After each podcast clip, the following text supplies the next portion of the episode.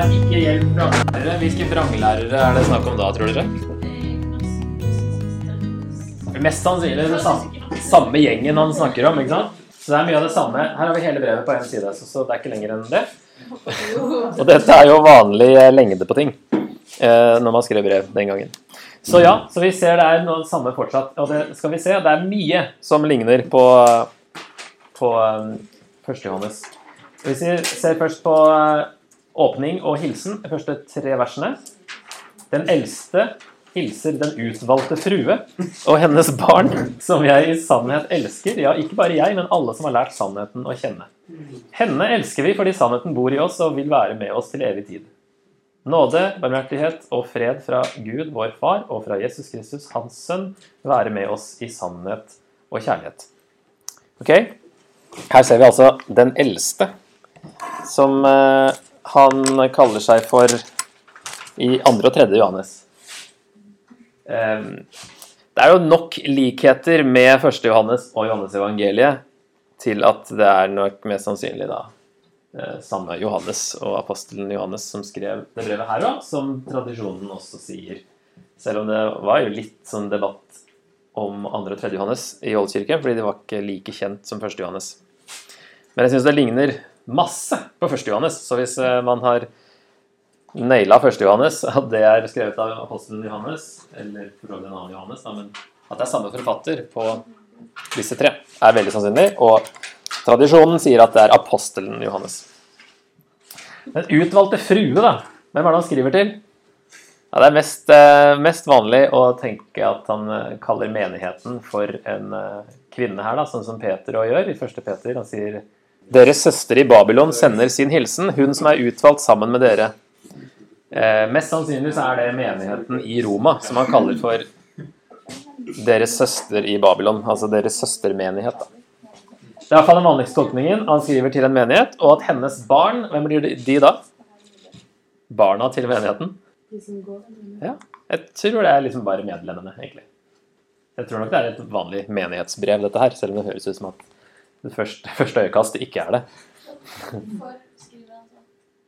Hvorfor han skriver sånn? Nei det, så, Ja, det kan jo være Altså, det, egentlig, Trenden går egentlig andre veien, med at det var mer altså Johannes navngir mange av de som er anonyme i de andre evangeliene.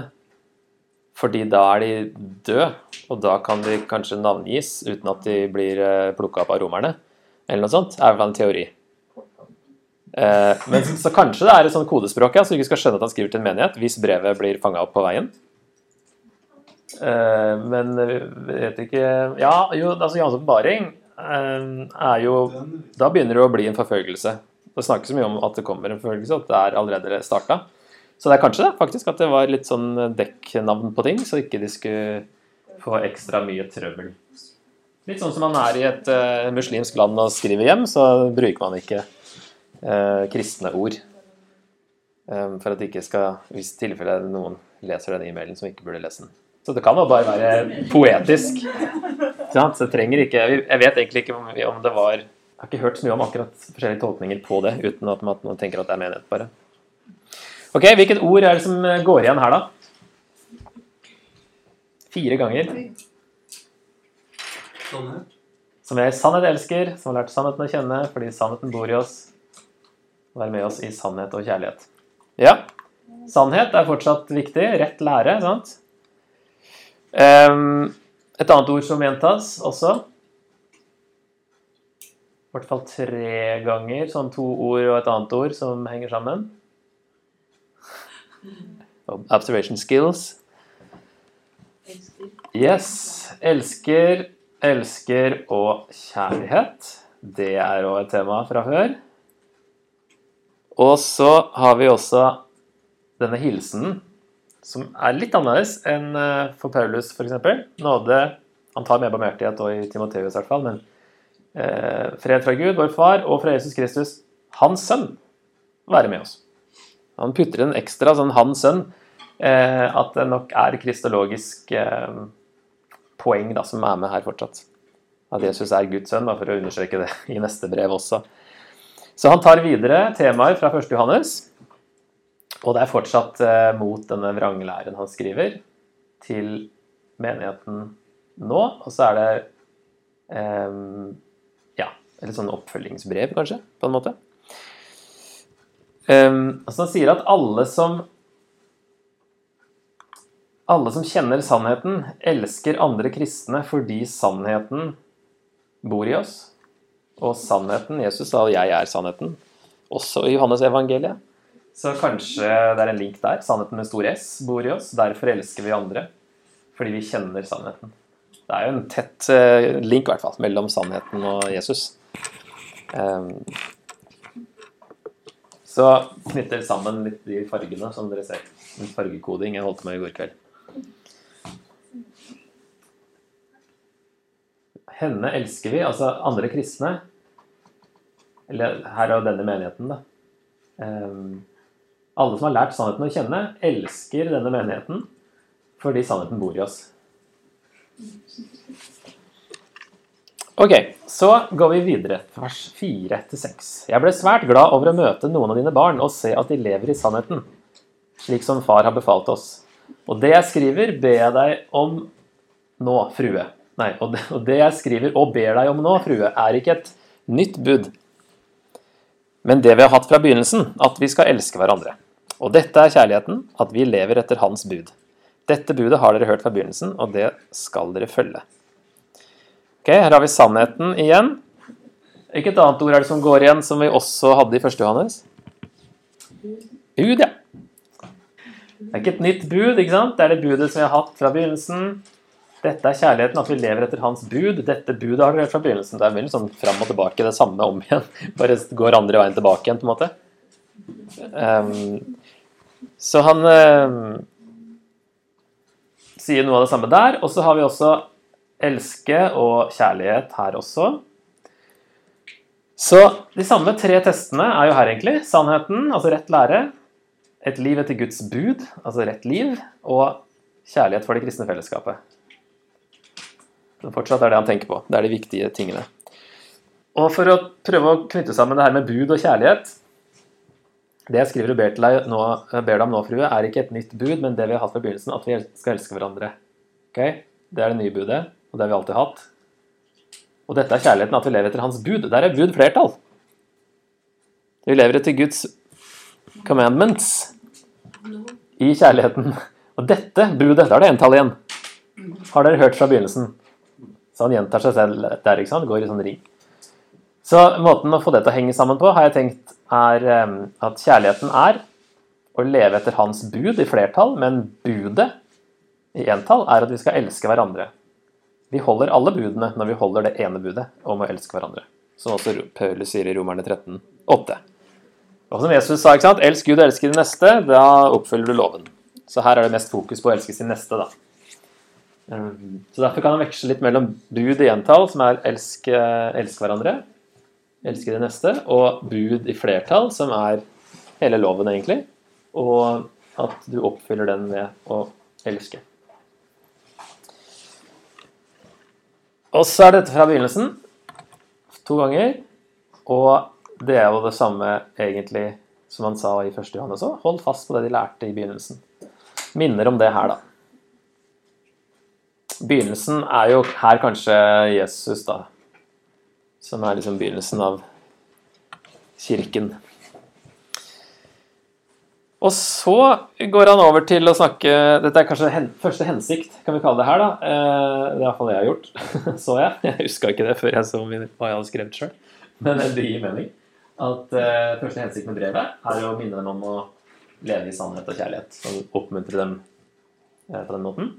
Og så er det andre hensikt, som handler om å ikke ta imot vranglærere. Da blir vi plutselig sånn veldig lite gjestfrie her. Men det sier han er viktig for det har gått mange forførere ut i verden, slike som ikke bekjenner at Jesus Kristus er kommet i kjøtt og blod.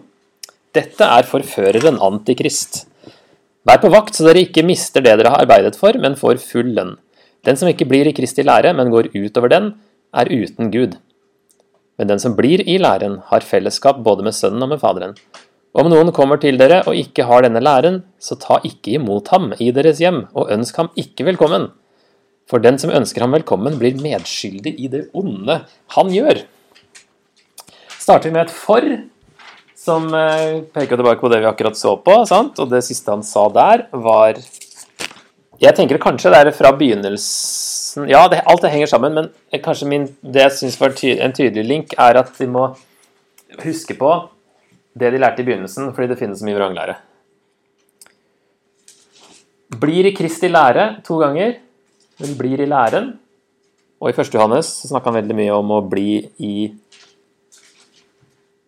Jesus. Sant? Det var samme her. Bli i Jesu lære. Den som går utover den, er uten Gud. Skal ikke finne på nye ting. Da blir ikke Gud med videre. Den som går utover læren fra Jesus og apostlene, er uten Gud. I hvert fall i det han sier, da.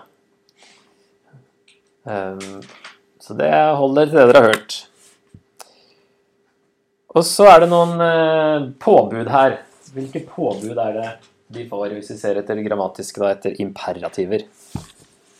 Bydeform. Vær på vakt. Jepp. Og rett før også ta ikke imot ham. Ønsk ham ikke velkommen. Ja, her skal vi ikke ønske velkommen. Så vi ser at det fortsatt handler om å bli i Jesus og hans lære. Hvis en omreisende lærer ikke har Kristi lære, skal de ikke være gjestfrie og hjelpe ham videre på reisen. Å hjelpe til med å spre vranglære er ondt. Det er jo det det handler om her. De må, de må sjekke teologien på de som kommer. For det, altså det var ikke bare kristne som reiste rundt. Det skal vi se i 3. Johannes, Der handler det om, om kristne misjonærer, på en måte, evangelister, som reiser rundt. Og som, som Paulus òg, som ber om støtte på veien videre. Og overnatting og mat og sånt. Og så er det andre også som gjorde det, og disse vranglærerne òg ser ut til å ha gjort det. Og så, Hvis noen kommer til dere og ikke har denne læreren, altså sjekk hva, hva han faktisk tror. Er det en av vranglærerne, så skal du ikke hjelpe. Uvanlig å høre det fra Bibelen, her, at du ikke skal hjelpe noen. ikke ønske velkommen. Men det er ondt, sier han, for da hjelper du. Da blir du medskyldig i det onde som han gjør, ved å spre denne vranglæren og ødelegge Guds menighet. Nå er jo ikke vi i den situasjonen da, at eh, det er så mange som kommer på døra og ber om å overnatte, og vi må sjekke er du Jehovas vitne, eller hva er det for noe? um, så det er Vi kan se om vi oppsummerer etterpå på en måte om vi kan klare å løfte det ut. Men uh, men eh, i hvert fall her så var det en vanlig praksis da, at man reiste rundt og, og, og trengte støtte underveis. Så mine tidløse sannheter fra dette korte brevet er eh, ikke gå utover Bibelen. Det er jo lett Kan være lett å gjøre det hvis man eh, Altså, vi har jo ofte gjort det i ting som vi bare har blitt uh, opplært i, eller i en menighetstradisjon, eller noe sånt, som er plutselig Oi, står ikke det i Bibelen? Å nei. Elsk andre kristne, en god gammel sannhet som man tar opp igjen her. Og så ikke bidra til å spre vranglære. Og har vi noen moderne eksempler da, på hvordan uh, Kan vi liksom plutselig få stå i en situasjon der vi kan bidra til å spre vranglære? Eller er det en litt uvanlig Facebook? Og fake news. Spre vranglære, ikke spre langlære på Facebook. Ja, ikke videresend alt mulig på Facebook.